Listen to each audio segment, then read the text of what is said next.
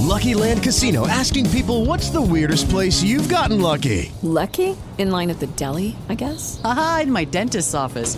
More than once, actually. Do I have to say? Yes, you do. In the car before my kids' PTA meeting. Really? Yes. Excuse me, what's the weirdest place you've gotten lucky? I never win and tell. Well, there you have it. You can get lucky anywhere playing at LuckyLandSlots.com. Play for free right now. Are you feeling lucky? No purchase necessary. Void where prohibited by law. 18 plus. Terms and conditions apply. See website for details.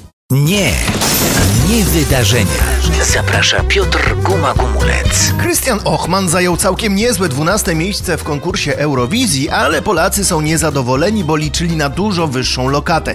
Zwłaszcza prezes Jacek Kurski, który z Turynu, gdzie miał miejsce konkurs, zrobił główne wydanie wiadomości.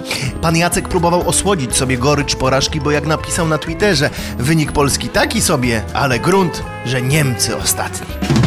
Dawno nie widziałem tak uśmiechniętego premiera Morawieckiego. Pan Mateusz wrzucił tweeta, gdzie chwali się, że z żoną wysłali dzieciaki na harcerski obóz, a sami wyszli na kolację.